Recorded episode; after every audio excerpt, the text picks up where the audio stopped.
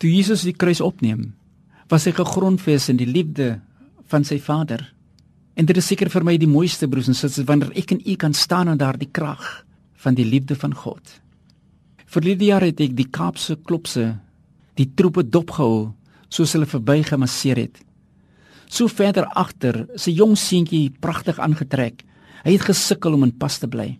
Die seentjie gaan so langs die sypaadjie staan, buik vooroor, maak sy skoenveter stewig vas en die probleem is opgelos. Hy is in pas. Hy het weer ritme, hy het weer balans.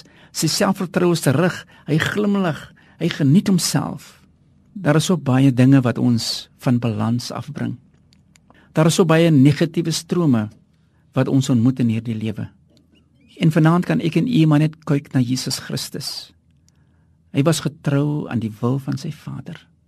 Hy het nie toegelaat dat negatiewe strome vir hom van stryk afbring nie. Jesus ten spyte alles het in ritme gebly. Het u byvoorbeeld die pas verloor toe u self die planne van God wou oorneem en oorheers?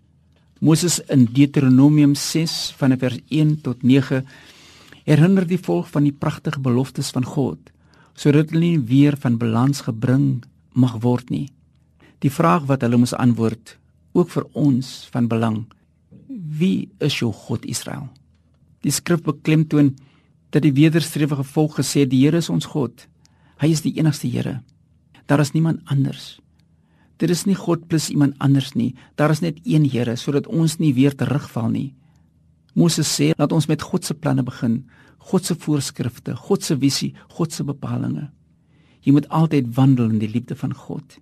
Jy moet die Here jou God lief hê met al jou hart en siel, met al jou krag. Hierdie liefde moet alles van jou as mens oorrompel. Dit is die liefde sê Paulus wat ons in staat stel om heeltemal vervul te wees met die volheid van God. Dat Christus die bron van liefde in ons harte in geloof sal woon en ons gewortel en gegrondves sal wees in daardie liefde. En hierdie pragtige woorde spreek Paulus in Efesiërs 3 vanaf vers 14 tot 21. God is die bron van liefde. As ons dink aan voorspoed, dan dink ons aan balans en ons moet reg by die hart van die saak begin. Die hart van die saak is God en die wese van God is liefde. Miskien het ek gedink aan die ander dinge soos Israel. Die land van melk en honing loop oor en hierdie paradys gaan ons lewe volgens ons bepalinge. Weer sê Moses as ons voorspoedig die weg wil meemaak, gaan ons met God suksesvol wees. Die Here ons God is die enigste Here en ons begin met sy groot onvoorwaardelike liefde met God gewortel en gegrondves in die krag van liefde. Hierdie liefde van God, soos ons dit leer ken, sal ons by die wenstreep uitbring. Die Here se liefde is allesomvattend en alles deurdringend, wyd, ver, hoog en diep. Dit duur jou hele lewe lank. Dit dring in tot elke oomblik van ons diepste wanhoop, ons grootste teleurstellings, ons diepste pyn in oomblikke van ons grootste beproewinge. Dit is liefde God se liefde wat ons ken. God kan vir my en vir u net versterk deur sy liefde. God kan oneindig meer doen want sy liefde is wyd.